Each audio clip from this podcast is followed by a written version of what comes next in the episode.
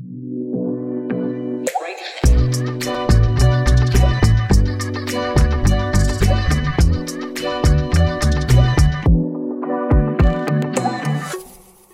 Hej och välkomna till ett nytt avsnitt av Break It Live som ni har längtat och som vi har längtat. Det här programmet sponsras av eh, Telenor, Nordea och Almi Invest. Vi sänder från eh, Dobb Studio på Birger i Stockholm. Jag heter Katarina Andersson och här är veckans rubriker. Daniel Ek vill köpa Arsenal, men varför och gillar han ens fotboll? Från byggprylar till sportkläder. Vad betyder bygga hemma-grundarens eh, nya storsatsning?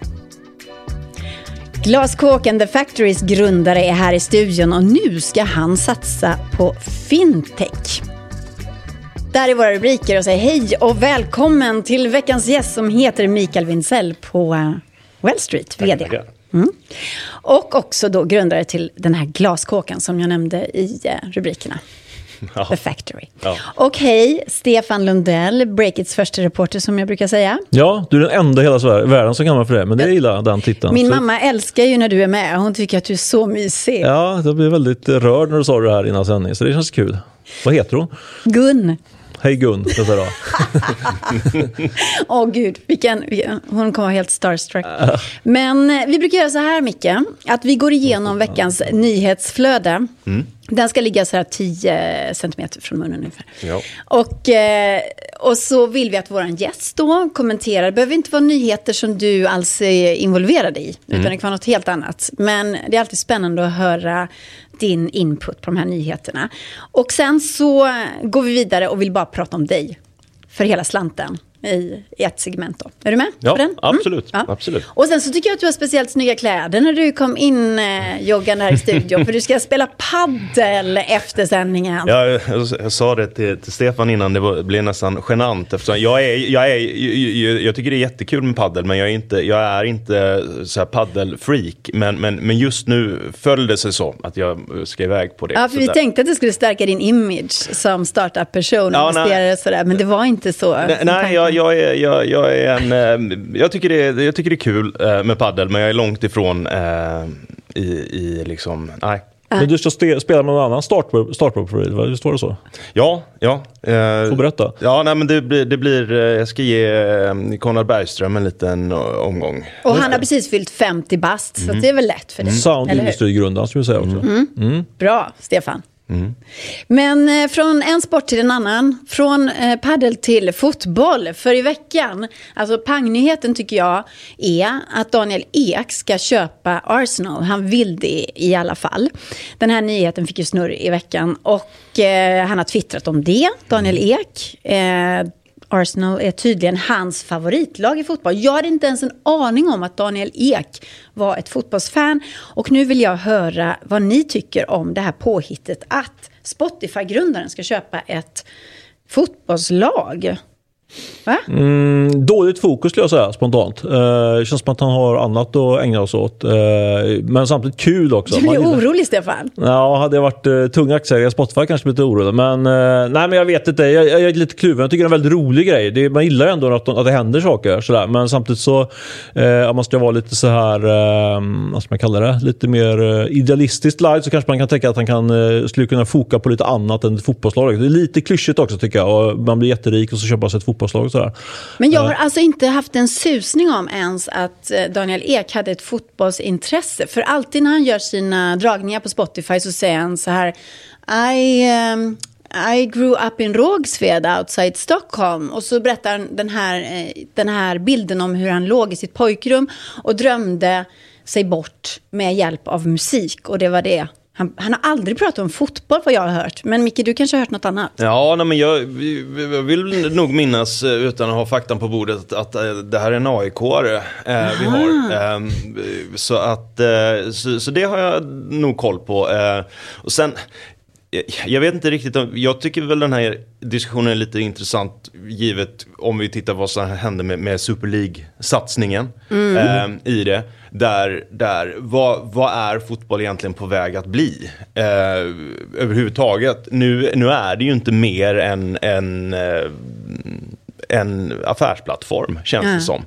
Eh, där insatserna bara blir högre och högre och, och eh, de riktiga känslorna mindre och mindre värda i det. Och det är väl en fruktansvärd utveckling. Nu har ju det ingenting, jag kopplar inte det till Daniels eh, förhållande till Arsenal eller ett eventuellt bud, det, det, vet jag alldeles för lite om. Men i stort tycker jag att den, den industrin är på väg åt helt fel håll. Mm. Eh, kanske, kanske kan den här reseten som, som faktiskt coronan har inneburit nu när vi ska återstarta och alla håll och kanter, kanske kan man få med någonting i det. Eh, där man tar ett annat grepp på vart fotbollen faktiskt ska. Mm. Jag, jag, jag, kan tycka att eh, det är lite fel intressen, lite mm. fel fokus. Men Daniel Ek då, som grundare till Spotify, ska köpa klubben. Har han råd med det, Stefan? Men jag, vet, jag vet inte, det är det ärliga svaret. Men man kan ändå räkna på det på lite, på lite skoj. Sådär. Så kan, det finns ju värderingar på vad Arsenal är värt, värderat till. Och så vet man ju hur mycket... Berätta. Ja, men du vet, jag siffra kommer inte ihåg exakt här. så, men jag tror det var ish 30 miljarder ungefär. Mm. Uh, ish, ish. Det kan vara 20 också. Uh, men men de, här, de här förhållandena stämmer ganska bra. Sen äger Don Lek aktier i Spotify för lite mer. Det, mm. hans, hans aktier är värda mer än, än vad det skulle kosta att att köpa Arsenal. Men jag menar, han, har ju, han ska ju inte sälja snart antar jag. Utan, men den stora tillgången ligger ju i, i, i hans Spotify-aktier. Och sen ska han ju då eh, dra igång en, en eh, miljardfond i, i euro eh, som han redan aviserat. Eh, så men, om man bara räknar, liksom, då har du 10 miljarder bort till den fonden. Visst, han tar mm. inte annat kapital. Eh, han, eh, mycket av hans kapital är ju låst i, i Spotify-aktier. Han satsar ju på fossilfritt stål också. Ja, men precis. Mm. Men det är lite andra, plus lite andra investeringar som är på en ish miljard. Liksom. Så ja. om man räknar ihop de här grejerna så får inte jag ihop det riktigt. Sen tror jag att man kan låna rätt mycket pengar. Han kanske kan låna halva insatsen när man köper mm. Arsenal. Men det, det kokar ju ner till att han måste ha eh, några andra riktigt rika personer med sig också. Han kommer inte kunna köpa det själv. Det, det tror jag man kan slå fast liksom, utifrån hans, mm. om man tittar på hans privatekonomi. Så. Han har inte pratat med dig, Mikael Wintzell? Jag, jag, har nog inte så mycket att tillföra i något av det här faktiskt, faktiskt uh, i, i, det här sammanhanget. Men nej, nej. Uh. Men jag menar, det är ju bara att titta på det. Titta på um, de här transaktionerna som håller på att hända i USA nu när de köper eh, basketlag och NFL-lag. Eh, det är ju de som driver affärerna är ju inte de som har det stora kapitalet i det. Nu är det ju i och för sig en person som har ett stort kapital i det, men det verkar ju finnas en enorm vilja att finansiera den här typen av av, av transaktioner mm. till höger och vänster. Men jag menar... Så kan det vara. Han kan vara frontmannen liksom, och sen så går han in med ish en miljard eller två så kanske kommer mm. liten super... Den stora frågan är ju egentligen som så här. Finns det, finns det någon fotbollsklubb i de, i, i, i de översta ligorna i något land som har tjänat en krona de senaste mm. tio åren? eh, det, är klart man kan köpa av, av andra skäl. Mm. Eh, men vi måste men... ha loss en intervju med Daniel Ek om det här varför. Det, den frågan är faktiskt inte helt besvarad. Nej, vi får Någonstans. Hugga honom. Får hugga honom. Ja. Men jag har en, ett annat inspel på det här och det är ju eh, Spotify, ljudkungen då i världen kan man säga. När eh, Clubhouse eh, flög upp som en otroligt hypad app och alla skulle vara där så undrade ju alla varför har inte Spotify satsat eller varför varför köper man inte Clubhouse? Då köpte de ju istället en annan ljudapp, ett företag, ljudföretag och eh, eh en liknande Clubhouse-plattform som kallades för eh, Locker Room. Det är, det är alltså ett Clubhouse men, men nischat på sportsnack. Mm. Och då tänkte jag så här, finns det någon koppling? Han köper ett fotbollslag och sen har de Locker Room. Jag vet inte. Vi kanske ska lämna Daniel och hans uh, Arsenal. Men uh, jag tyckte det var lite intressant det du sa. Att du blir lite orolig för fokuset på grundaren. Mm. Eh, och om han har tid med ett fotbollslag också. Åka till London och sitta på match. Det kan ju vara så mycket så att, liksom att, han, att han gör själva investeringen och sen så någon annan som ska ratta det så kommer det förmodligen vara. Liksom. Jag tycker mm. ändå det reser ändå lite frågetecken att han, det är ändå en stor grej att liksom köpa en sån här klinod liksom, som ändå Arsenal är. Och samtidigt då som drar igång den här, den här miljardfonden eh, och han eh, lägger, verkar lägga tid på att bygga fint hus i Djursholm och så. Alltså man kan ändå, det är ändå lite sådär varningsklockor tycker jag som, eh, som ringer. Vad är det du säger även, även, om jag, även om jag nu säger det lite grann framtvingat för att få en bra rubrik. Liksom. Jag, för jag tror på ett sätt att det är, det är, mer, stor, mer, det är mer sannolikt att Don Ek är vd på Spotify om fem år eh, än att han inte är det. Men det är kanske ändå liksom att den har ökat den risken att han kommer hoppa av ganska snart ändå. Det skulle jag säga. Vad tror du Mikael? Är det här ett tecken på att Daniel Ek lämnar fokus på Spotify och kanske sakta men säkert börjar dra sig tillbaka? Nej, det tror jag inte. Nej. Eh, faktiskt. Um, den, jag känner ju inte Daniel överhuvudtaget, men, men jag känner väl ett antal personer som har liknande profiler i det och eh, fokuset brukar räcka till mm. eh, i det. Eh, och sen ska man ju inte glömma heller att Spotify börjar ju bli rätt stort också. Mm. Eh, det är ju en, det är, det är en, det är en, det är en begåvad plattform av mm. talang som mm. driver ett, ett bolag på frammarsch sådär i det också.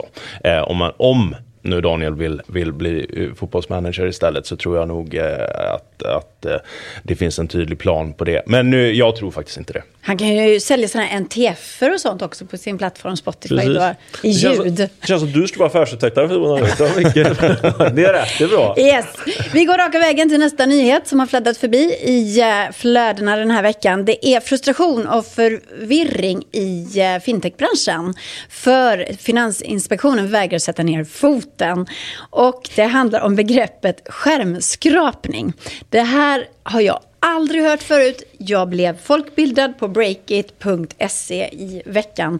Aldrig hört begreppet. Men för någon som inte kan det så har vi ju Mikael Windsell här som har lovat att förklara. Scraping-expert. Ja, precis. ja. Eh, du har lovat att förklara exakt på 30 sekunder för den som inte vet, vad är det här? Ja, det var en bra införsäljning. Nej, men eh, jag tror som så här, och, och, och både Sebastian och, och, Olle har gjort det här förträffligt, men om jag ska försöka förenkla det ytterligare så är det så, screen scraping i det här sammanhanget handlar ju om att du använder eh, en teknik för att logga in mm. någonstans. Mm. Eh, där du ger tillgång till ett mellanlager eller en tredje part att logga in på din bank eller vad det nu må vara för någonting. Mm. Det, det, är ju egentligen det enkla och därifrån kan man accessa den datan som du får tillgängligt om du hade loggat in på din bank. Just det. Bra. Hur enkelt? Ja, Ja, jättebra. 27 sekunder. Ja, jättebra. Men problemet här är, det är ju till exempel om jag använder, Klarna, äh, använder Klarna-appen. Eh, så drar man ju bara igenom den här användarvillkoren så säger man så här, så scrollar man 15 gånger och så mm. kommer man ner och så skriver I accept. Mm. Men vad jag inte visste var... Det är inte bara i Klarna-appen man Nej, gör så appar. kanske.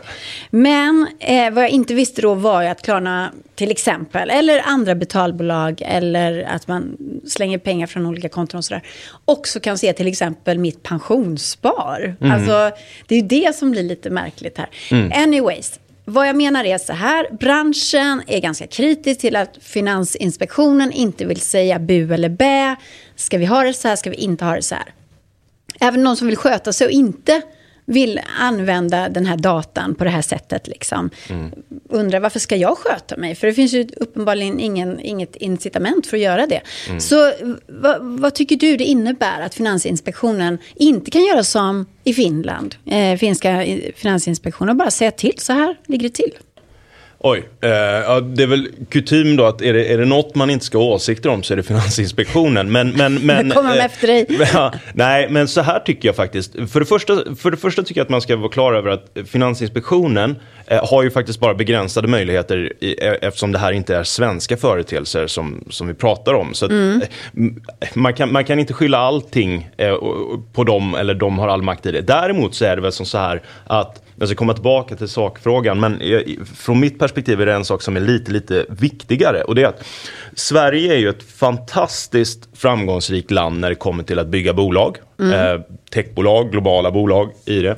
Eh, vi har en stor attraktionskraft från internationella investerare till Sverige.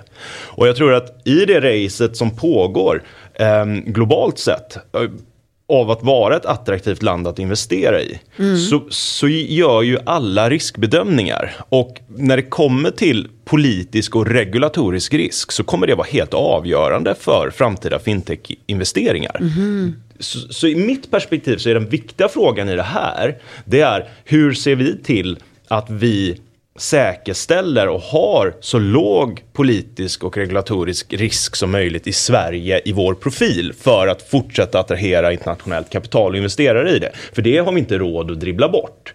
Ehm, och det är klart att Finansinspektionen, Finansdepartementet har en jätte, jätteviktig roll i det här. I att vara tydliga med vad vi har att förhålla oss till.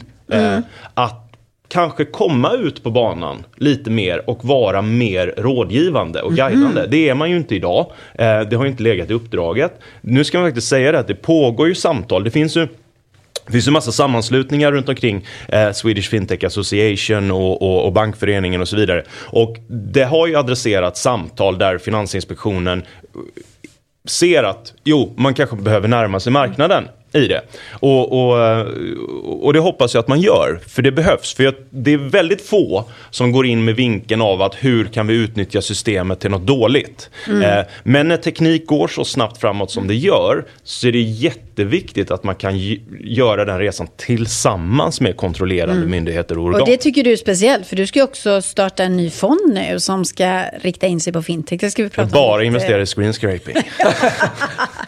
det ska vi prata om lite senare. Ja. Men vi ska bränna av en tredje nyhet också. Eh, det här är Stefans bord. Det är Mikael Olander som är en riktig e-handelsräv. 2012 så blev han vd för hemmafixarsajten Bygg hemma.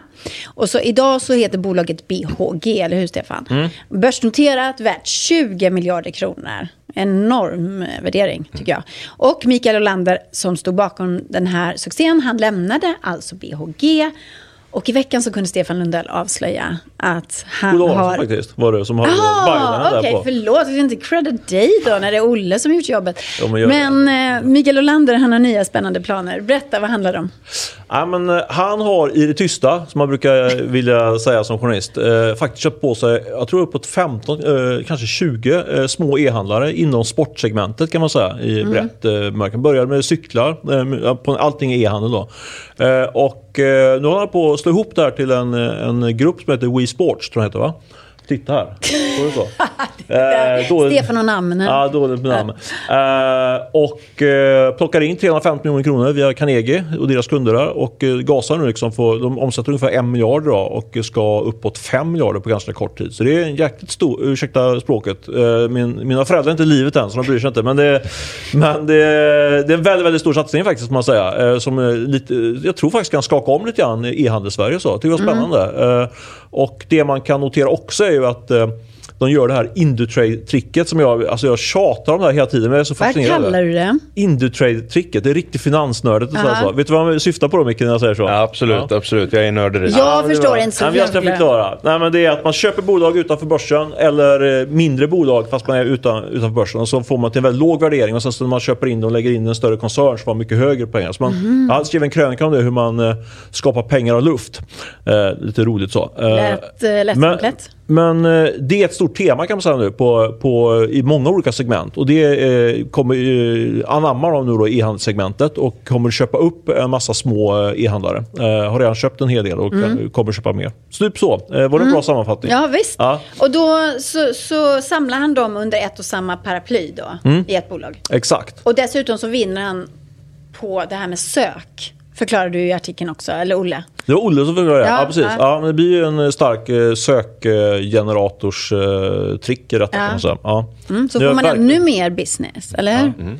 Ja, men, men... Det är en, en rad olika synergier man uppnår när man lägger in en koncern. Det är ju inte bara det här finansiella tricket. Man har liksom en gemensam ledning, teknikutveckling och köp av annons och så. Här. Så det finns mm. såklart massa annat. Saker. Plus, bara, sista, det är att de är riktigt duktiga de här killarna som, som står bakom. Liksom. Så det är, alltså, vem som helst kan inte göra det här tricket. Man måste verkligen vara kunnig också. Och det är de här. Men eh, triggerordet här var ju att han gör det i det tysta, eller hur Stefan? Så ja, att frågan, varför gör han det i det tysta?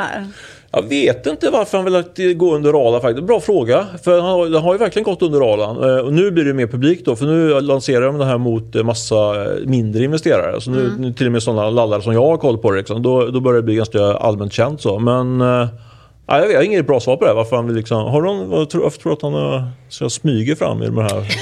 ja, det, jag, det vet jag inte, men jag, jag, tror faktiskt inte att han smyger. Jag, jag, jag tycker de eh, rakt igenom alltid har eh, hållit en låg profil och gjort ett återigen, ursäkta, jävligt bra jobb. ja. um, och, och, och, det tycker jag har varit deras modus operandi länge. Mm. Så jag tror, inte det, jag tror inte det är något... Medvetet? Jag, det är inte en plan för att hålla Stefan Lundell borta, tror jag, uh, i, i, det. Utan, nej, jag tror att det är deras sätt, faktiskt. Ja. Um, och uh, hatten av. Ja. Mm. Men Stefan, historien tar inte slut precis riktigt här. Nej. För du har grävt fram ännu mer Mikael Odell-nyheter. Olander, ja Olander. precis. Ja, nej, men det har jag. Och som av en händelse, det är faktiskt som en händelse, så har vi en, person som kan liksom, brinna klarhet i den här frågan. För Ah. Faktum är så här att vi, vi, vi, vi trålar ju liksom eh, Bolagsverkets register på eh, händelse, nya, nya saker som händer i, i bolagen. Mm. Och när det är så att du, när du, eh, när du får en ny styrelseledamot till exempel så dyker det upp ja. Och då, Och- tada!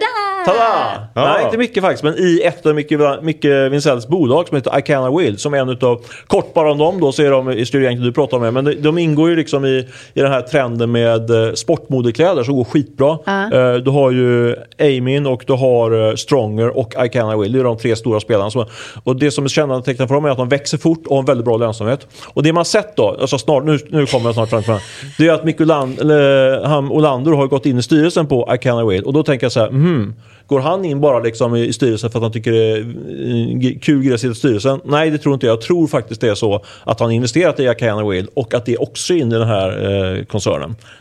Vad säger du om den spekulationen? Jag ska sluta komma hit. men, men, eh, s- eh, ja snyggt. Eh, eh, vad säger jag? Vad säger jag om det? Jag säger som så här att eh, ja, eh, för det är ju inte så svårt för er att ta reda på. Eh, så eh, är de eh, delägare i I Can Will, eh, ja.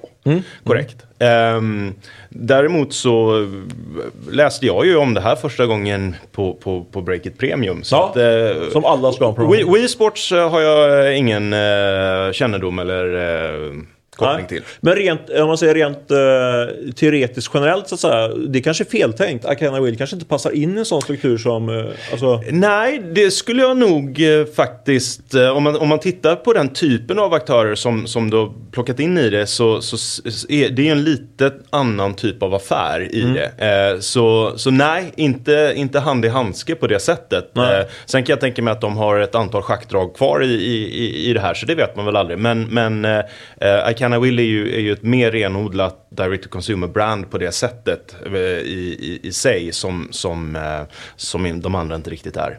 Och om jag ska fortsätta spekulera, han, de köper ju in... Jag, jag, jag antar att de köper in sig, de köper, in, de köper inte 1%, de köper en 10, 15, 20 kanske, eller vad, skulle, vad har du någon koll på det?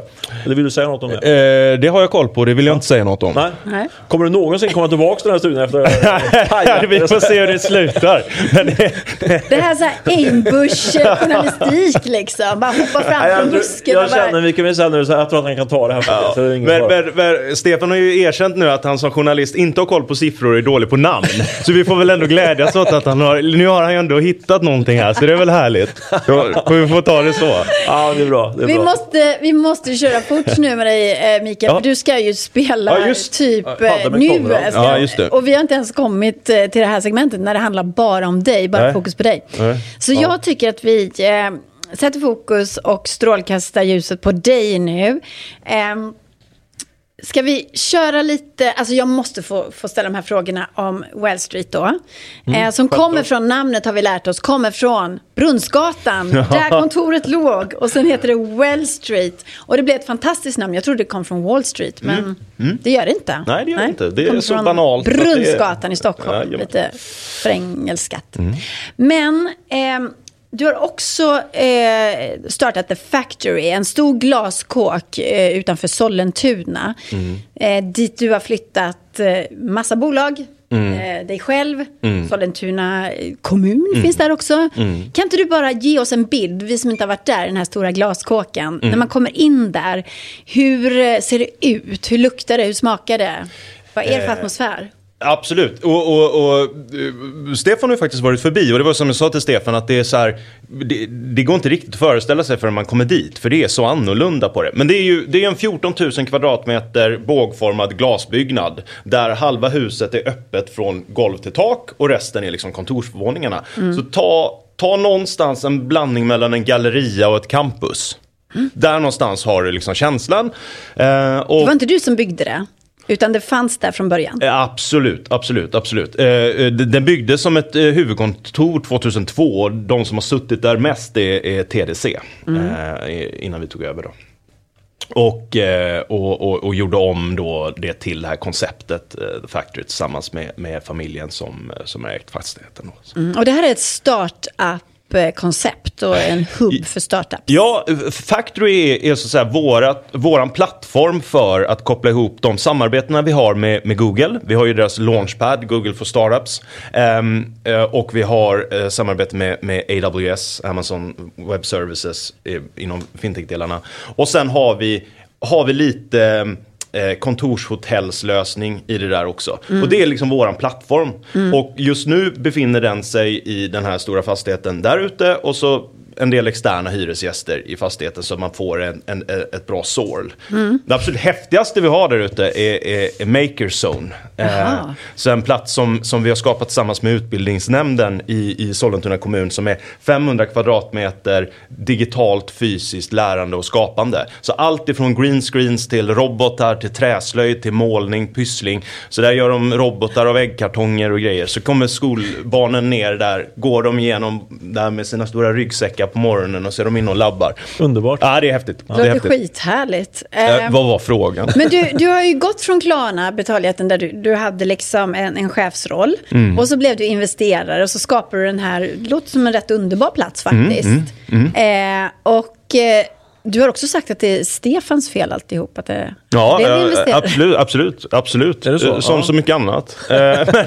men, nej, men det, det var tank, tank, tanken med, med Wellstreet från början var ju egentligen att, att göra två, tre investeringar i lite större bolag som kanske kunde dra nytta av det jag lärde mig på att vara med och göra Klarna-expansionen. Så mm. det var ju egentligen tanken vad jag skulle göra framåt. Mm. Um, men Eh, eftersom Stefan är väldigt duktig på rubriksättning så, så, så blev, behövde inte jag sminka grisen utan det gjordes ju i tidningen när Klarna-toppen startar riskkapitalbolag. Den här kommer jag aldrig glömma, den rubriken.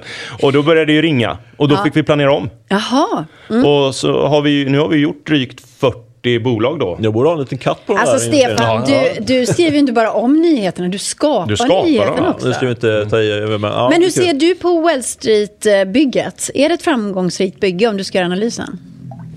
Mm, ja, så här långt är det. Alltså, ni har varit med på flera. Jag tänker, spontant kommer jag på Bambooser som varit en fantastisk resa för er. Ut, äh, kap, vet du, ut, vad säger man? Avkastningsmässigt. Men sen har du en helt an, en hel rad andra bolag som gått bra också. Men det kan du ju bättre. Men eh, om jag ska tro, lita på Mickes uh, ord om uh, avkastning så har det varit en fantastisk resa här långt. Så kan man ju säga. Mm. Jag har inte varit inne och tittat in i din egen bokföring och så. Men det, det litar vi på. Han är från Bohuslän han också så jag litar på honom. Ja. Men Mikael, du lämnade ju Klarna i slutet av 2015. Mm. Eh, och förra veckan så var ju din förre vd Sebastian Siemiatkowski, han var här. Mm.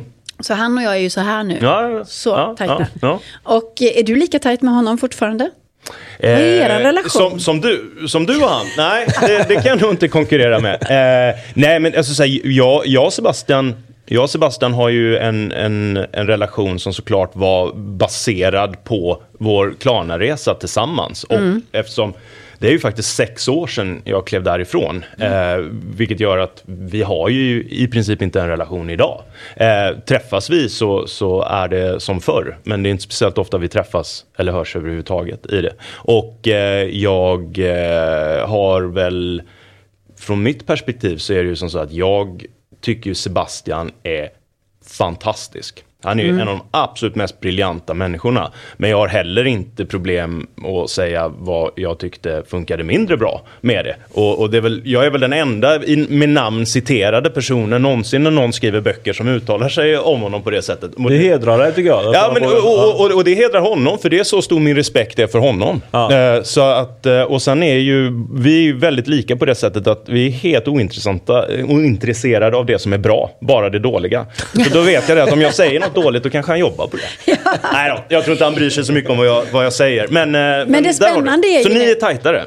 Jaha, okej. Okay. Ja. Men eh, jag skämtade lite om det. Men, eh, men eh, okej, okay. spännande att du är den som vågar sticka ut näsan och kritisera honom. Nej, det vet jag inte. Kritisera vet jag inte. Jag, kan, alltså, jag, har, inga, jag har inga problem. Jag menar, han, är ju, han är ju begåvad med mer styrkor än svagheter. Mm. Jag är begåvad med mer svagheter än styrkor. Så jag menar, det, det är, ju, så det, är väl, det är väl härligt det. Och då, då, då kan jag i alla fall om någon frågar så kan jag säga att det här upplevde jag som mindre bra. Mm. Eh, sen så är det också lite som sådär att den här den här industrin är ju väldigt mycket om att man ska tycka om andra människor. Eh, vilket jag i regel tycker har gått alldeles för långt i det. Så, så, så här att, ah, Ja, vi, vi, vi, vi, mäter folk på det de, det de gör och, och vi kan väl inte säga någonting annat än att han gör saker väldigt, väldigt bra. Mm.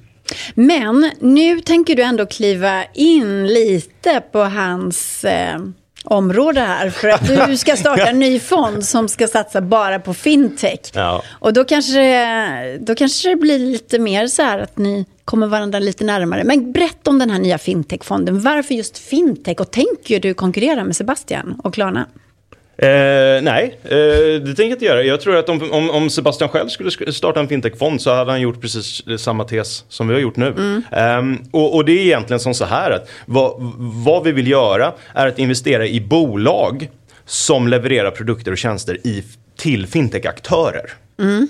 Ehm, marknaden rör sig så otroligt snabbt, global konkurrens, du behöver vara mycket, mycket mer agil. Du måste ha mycket, mycket mer modulära system. Du måste kunna anpassa dig till marknaden. Vilket gör att alla de här spelarna kommer behöva ta mer och mer hjälp. Man blir mer och mer specialiserad på vissa djupa funktioner i det. Mm. Eh, någonting, som, någonting som Klarna och Sebastian har varit väldigt duktiga på att anamma tekniskt. Men säljer inte de också sådana lösningar? Eller ville göra det i alla fall? Ja, men är, när ni satt här och chitchattade senast så pratade han väl om, om, om till exempel det här kring PSD2 och, och, och screen scraping och vilken mm. tjänst man kan köpa av dem. Så där, i, i, I den enorma floran de har så är det klart att det finns tjänster som man kan köpa. Eh, där till att säga att de gör det som de här typen av bolag gör. Nej, det är en fraktion av deras verksamhet medan det är hela verksamheten hos mm. den här typen av bolag. Så nej, jag, jag tror inte vi hittar du... någon konflikt här nej. hur länge vi än okay, drar det. Så vi kan inte förvänta oss en catfight där mellan nej, nej, Hur stor fond är det du ska starta? Eller har du, är den igång redan? Um, ja, eh, den, den, är, den är eh,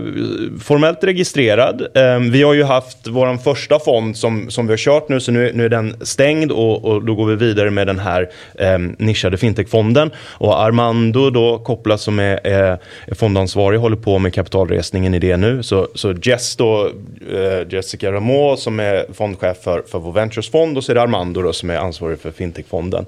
Eh, så vi håller på och, och reser nu 350 miljoner. 350, ja. Mm. ja. Vi, är ju, vi, vi, är ju bolagsbyggare. Vi är ju, i den, liksom, vi är ju innan intäkter, in, nästan innan produkt där vi investerar. Så att det är ju...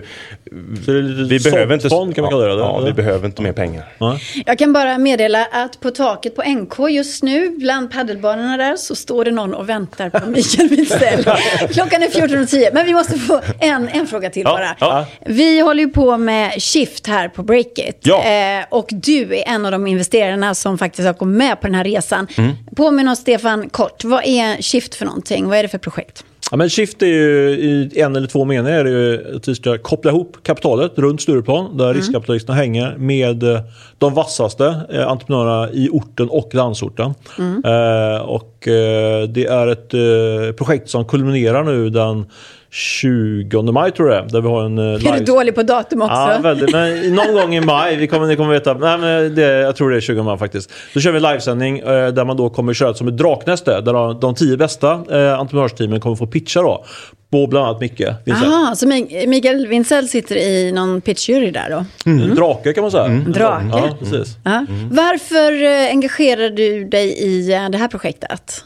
Eh, av flera skäl. Jag, jag, jag, och vi tycker det är kul med alla sådana här typer av aktiviteter som kan främja vårt näringsliv. Eh, mm. Vi tycker ju inte att det ska finnas konkurrenssituationer. Eh, utan vi på investerarsidan, vi, vi ska ju se till att få fram så mycket bra bolag det bara går. Eh, och så rent generellt tycker jag om den typen av delar. Varför vi gav, vi gav oss in i det här är ju såklart för att det finns en ytterligare dimension i effekten av det här som känns bra. och sen är jag är helt övertygad om, som jag, Stefan pratade om tidigt, att genomförandeförmåga slår mm. ju alltid allting annat. Och det finns ju väldigt många olika saker som gör att du har mer eller mindre vilja att lyckas genomföra saker och ting. Eh, och att komma från en situation där allting inte är så enkelt att få eller mm. enkelt att göra eh, kan skapa drivkrafter som är väldigt gynnsamma. Eh, så att eh, från, från, från ett investerarperspektiv så, så är det här väldigt intressanta grundare och team att investera i. Men framförallt så är det roligt att kunna göra det där man förhoppningsvis får en, en, en, en ytterligare effekt i att man kan skapa nya alternativ för en population. Mm. Jag måste bara innan du springer ut, för du har ju fått titta på en del av casen nu. Vad, mm. vad är din första spontana reaktion? På, på... Nej, men vi, väldigt bra. Vi har faktiskt eh, sju möten kommande två veckor. Spännande. Mm, ja. Verkligen. Och sen kan du sätta dem där i glashuset så kan mm. du få vara med ja, i den stora vi... startup-familjen. Den planen där. finns faktiskt. Vi har ja. pratat om det fram och tillbaka. Så jag, måste ändå i hatten av att du var faktiskt den första investeraren som eh, sa jag är med. Liksom. Så det tyckte jag var... För det är lite osäker på, kommer vi få några investerare som vill vara med här? Mm. Och då är det alltid skönt att få liksom, första affären i form av mycket. Så det är kul. Mm, han bara räckte upp handen direkt. Ja, direkt mm. gjorde det faktiskt. Så det var kul. Tack Mikael Wintzell för att du kom till Break It Live idag. Du kommer eventuellt missa halva din match på ja. walkover, men eh, vi... Eh, Hälsa Sebastian när du ser honom nästa gång. Stefan Lundell, tack, tack, så mycket. tack, så mycket. Nu ska vi vidare till en av pandemins hetaste frågeställningar. Eh, vad kommer egentligen hända med kontoret när pandemin är över? Och snacken kring kaffeautomaten.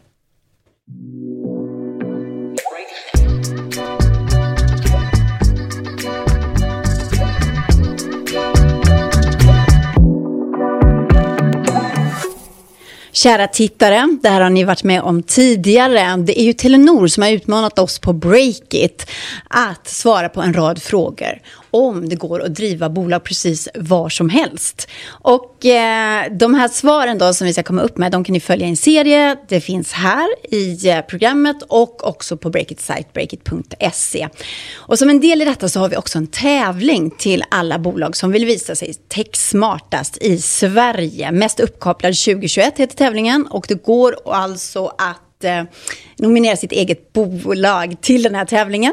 Och eh, då har man chansen att vinna 100 000 kronor i marknadsföring.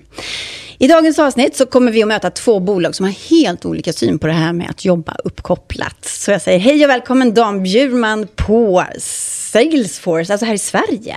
Tack så mycket. Jag blev ju lite förvånad att Salesforce faktiskt fanns här i Sverige rent fysiskt? Ja, vi är 54 000 medarbetare globalt ungefär och ungefär 180 sitter här i ja, Sverige. Det är ju inte dåligt. Nej. Välkommen också till eh, Anna Gullstrand, VP People som din eh, titel är. Du är på Mentimeter och du, har, du är av annan åsikt än Dan, för ni tar helt olika ståndpunkter här. Du tycker att kontoret behövs, du tänker no way. För eh, på Salesforce så var det ju så här, alla har ju drabbats av pandemin och Salesforce som är ett sånt jättebolag också. Men det som är lite annorlunda med er är att ni har bestämt att även efter pandemin så kan folk få jobba hemma om de vill. Det stämmer. 9 mm. to 5 är dead som vi myntade uttrycket här för, för några, några veckor sedan. Jaha, 9 to 5 is dead. Så du kan förklara lite mer. Vad, vad grundar sig det här beslutet på? Nej, men jag tror det finns flera dimensioner i beslutet såklart, men om man ska koka ner dem i tre grund, grunddelar så är det för det första en väldigt stor efterfrågan från våra medarbetare. Mm. Eh, där lejonparten har gett uttryck för att de får ett bättre, bättre balanserat privatliv och yrkesliv i att kunna vara, ja, bestämma själv helt enkelt i någon slags flex, flex setup. Mm. Den andra delen är ju att vi som organisation, vi är Born Cloud. Vi är ett, eh, vågar påstå, ett digitalt fött bolag vilket gör att vi har förutsättningar och möjligheten att kunna ta eh, och ge våra medarbetare den här möjligheten också. Mm. Och den tredje dimensionen det är ju att tillgodose den här eh, extra, liksom starka tillväxten vi har som organisation. Att kunna ge möjlighet och förutsättningar för mina ledare att rekrytera, kanske inte i omedelbar närhet i Stockholm, utan också attrahera talang som finns i hela landet. Mm. Okej. Okay. Bra, alltså nedkokat där till tre, tre ståndpunkter. Men Anna, du är inte alls av den här åsikten att det där eh, tänker inte du köra med så fort pandemin är över. Då är det tillbaka till kontoret. Ja, eller eh, snarare så här. Det är fortfarande mycket flex för oss. Eh, mm. det ska jag säga. Det här handlar mer om så här, vad väljer vi att satsa på? Vad tror vi långsiktigt är det bästa för medarbetarna och det bästa för bolaget? och för oss handlar det om kreativitet och innovation. det handlar om välmående. Men det handlar också om lite, så här, lite mer filosofiskt så här, mm, man spenderar ungefär en tredjedel av sitt liv på jobbet. eller Oavsett då, vad, om man är liksom distans eller om man är eh, på ett kontor. Men mm. det är ändå mm. en tredjedel av livet. Och så här, vad vill vi göra av den tredjedelen? Vill vi bygga relationer, ha roligt tillsammans, liksom mötas på riktigt, lära oss tillsammans och allt det som vi upplever händer när man träffas på riktigt? Mm. Eller liksom vill vi ha lite mer distans till vårt jobb? Eh, och vi tror att i den här sektorn, när man ska liksom attrahera de allra bästa, så märker vi att det här liksom att det ska kännas meningsfullt på jobbet, meningsfullt på riktigt, är otroligt viktigt. Och då tror vi väldigt mycket på kontoret i, i den liksom ekvationen. Eh, mm. För det är där vi kan verkligen vara människor. Det låter som ni pratar om helt olika viljor här. Du menar att eh, det här är någonting som era anställda efterfrågar, att få det här flexibla arbetslivet, alltså mm. få vara hemma mer. Och du menar så här att nej, det är ju här vi kommer in och möts, vi har mm. roligt mm. tillsammans, vi bygger relationer. Alltså, har ni helt olika arbetstagare? Eller vad handlar det här om? Jag tror vi har ganska lika arbetstagare, men, men jag tror utifrån vårt perspektiv så jag kan ta liknelse tillbaka om vi tittar på ett bolag som Google som pionerade hela den här campusandan. Mm. Du har barnomsorg, du har hårfrisörskan där, eller hårfrisören.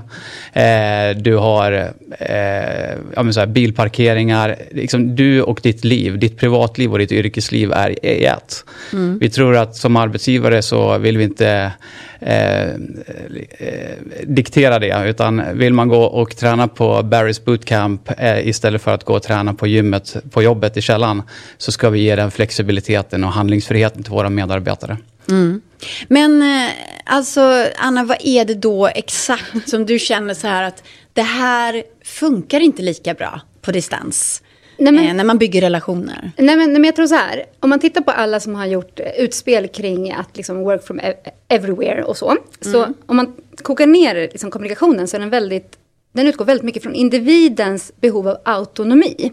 Alltså liksom, eh, och flexibilitet. Och jag, alltså vi till exempel tittar väldigt mycket på så här, eh, alltså, neuroforskningen. Ja, vad, vad ja. vi som människor behöver. Vi har levt i tribes i hundratusentals år. Vad behöver vi människor? Och det är inte bara autonomi. Autonomi är jätteviktigt. Men det finns andra saker. Alltså känna trygghet, relatedness, känna att man är rättvist be, liksom bemött. Att känna liksom status i relation till andra.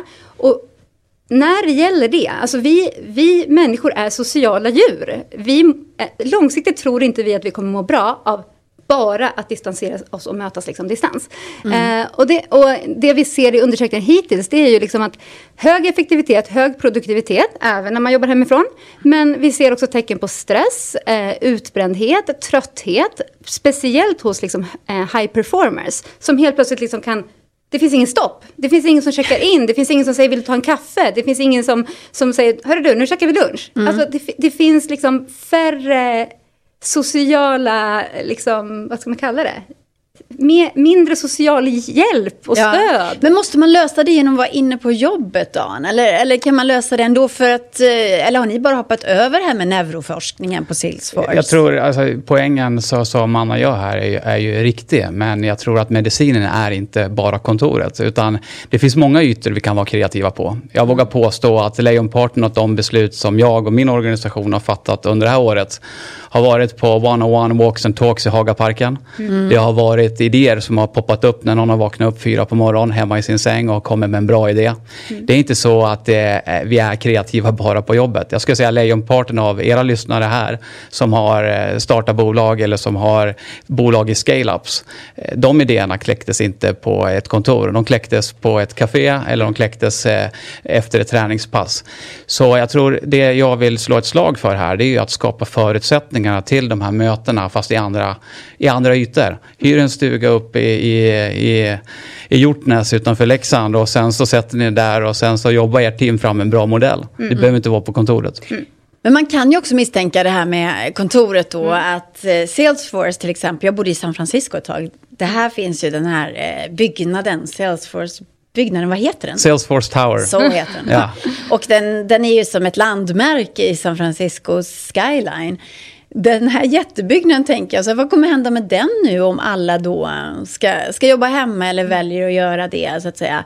Jag kommer ihåg min kompis, han jobbar ju där nere på Salesforce. Och det var DJ på morgonen när man kom in i lobbyn och det var fina vattenfall i lobbyn. sådär. man blir ju glad av att komma in på en sån arbetsplats tänker jag. Ja. Istället för att stappla upp ur sängen och sätta sig i något mögigt skrivbord, eller?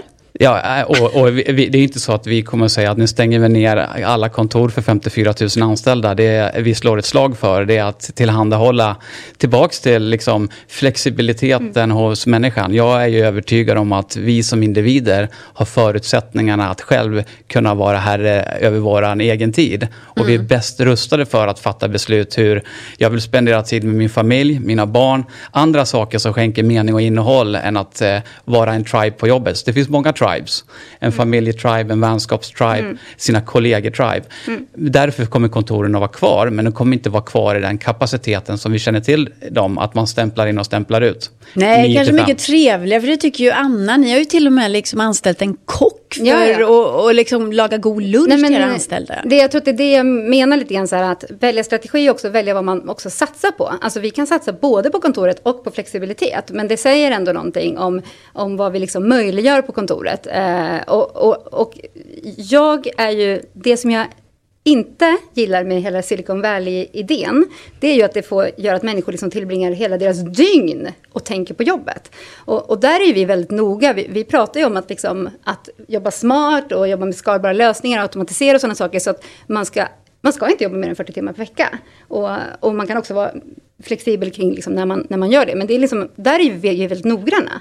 Så vi, det är absolut inte det jag är ute efter, liksom att folk ska så att, vet, designa sitt liv runt jobbet, utan snarare så här, life balance, eh, men där man väljer att vara med sina kollegor och jobba i team och jobba tillsammans, då tror vi att vi behöver mötas.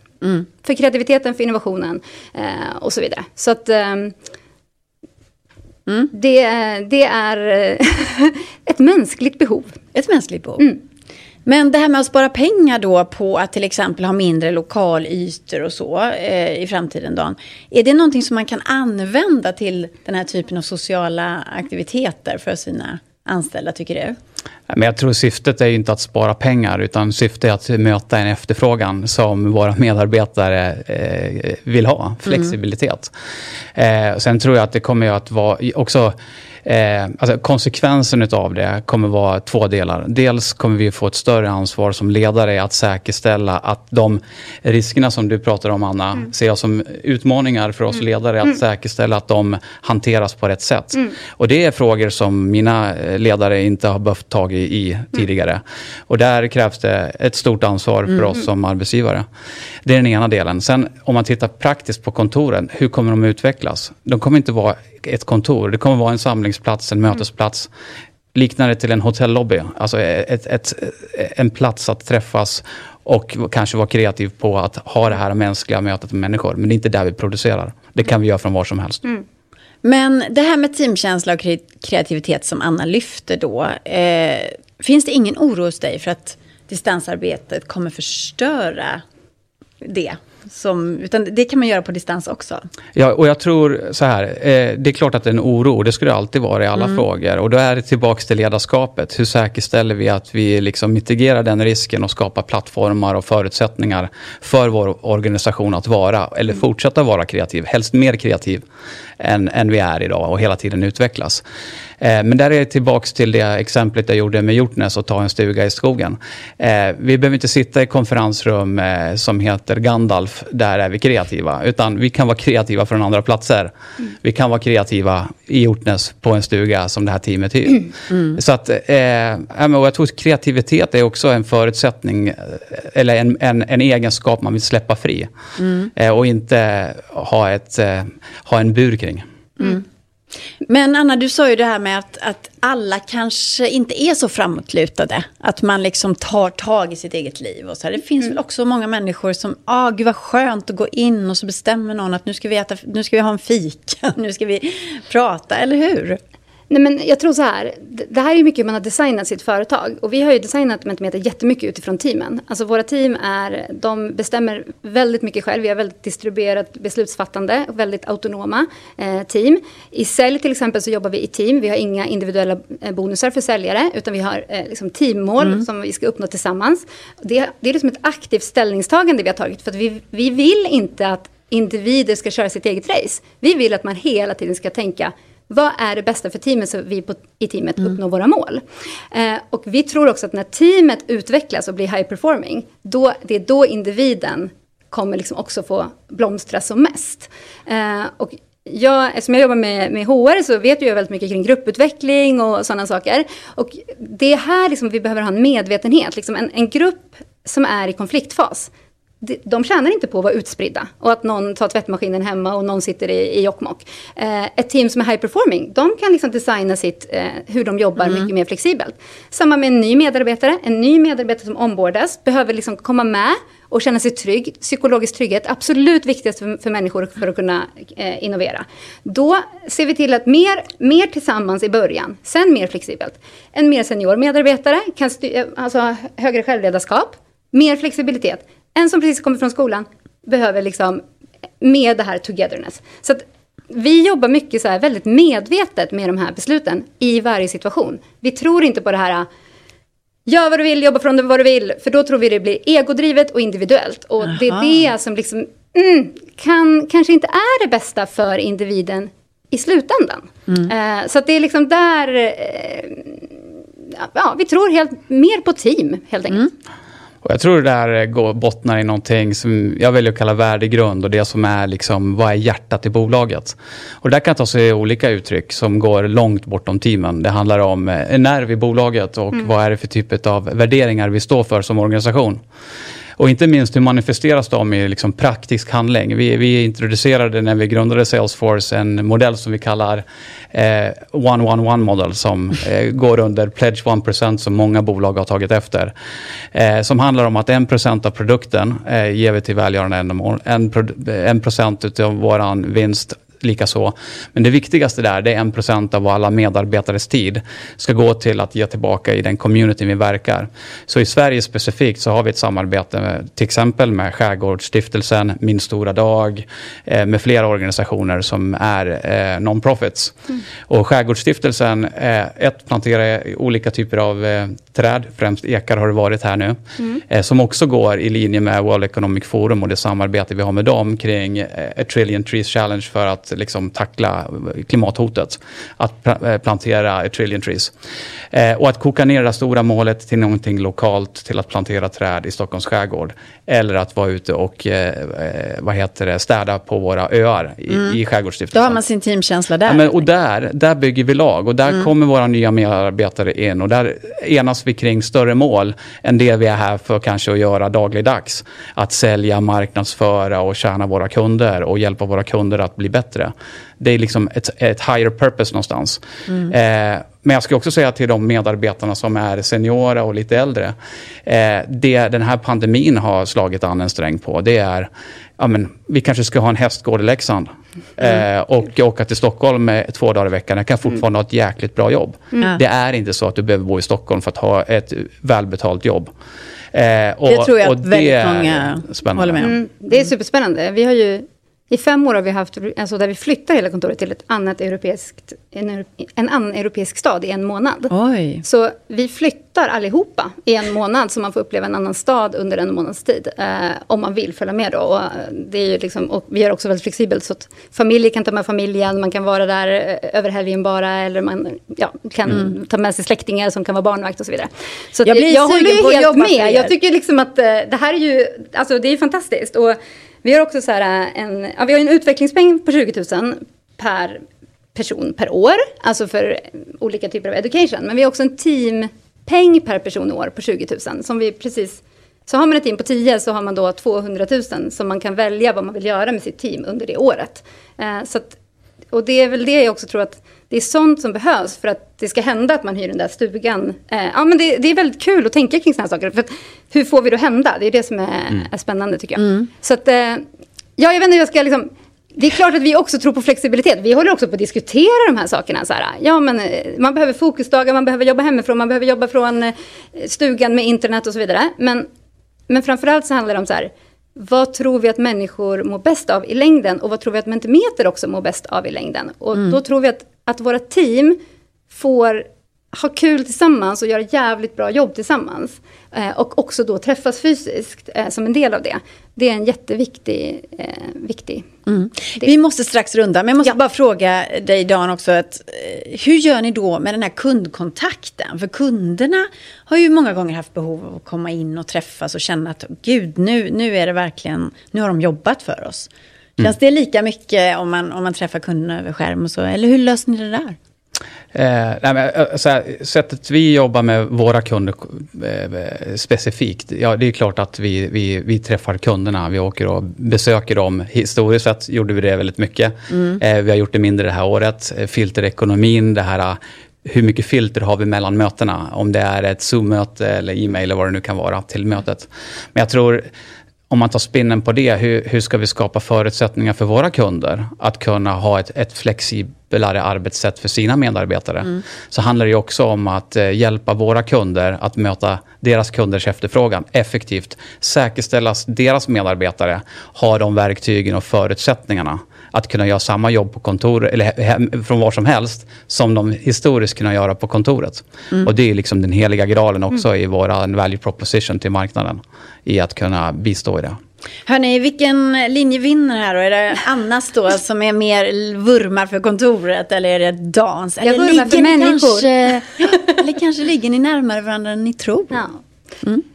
Eh, jag tror så här, att det finns liksom tillräckligt mycket fantastiska människor som ska välja sin arbetsplats kommande åren. Så det räcker till för både Salesforce och Mentimeter, så vi behöver inte vara oroliga. Jag tror att, som du var inne på, värdegrund, alltså värderingar, det är där många väljer sin arbetsplats nu för tiden. Mm. Så att jag tror liksom de som verkar gilla det här lite bättre kommer komma till oss och de som verkar gilla det här, det där lite bättre kommer komma till er. Och det finns liksom ingen tror inte att det, alltså, ja. individer är olika.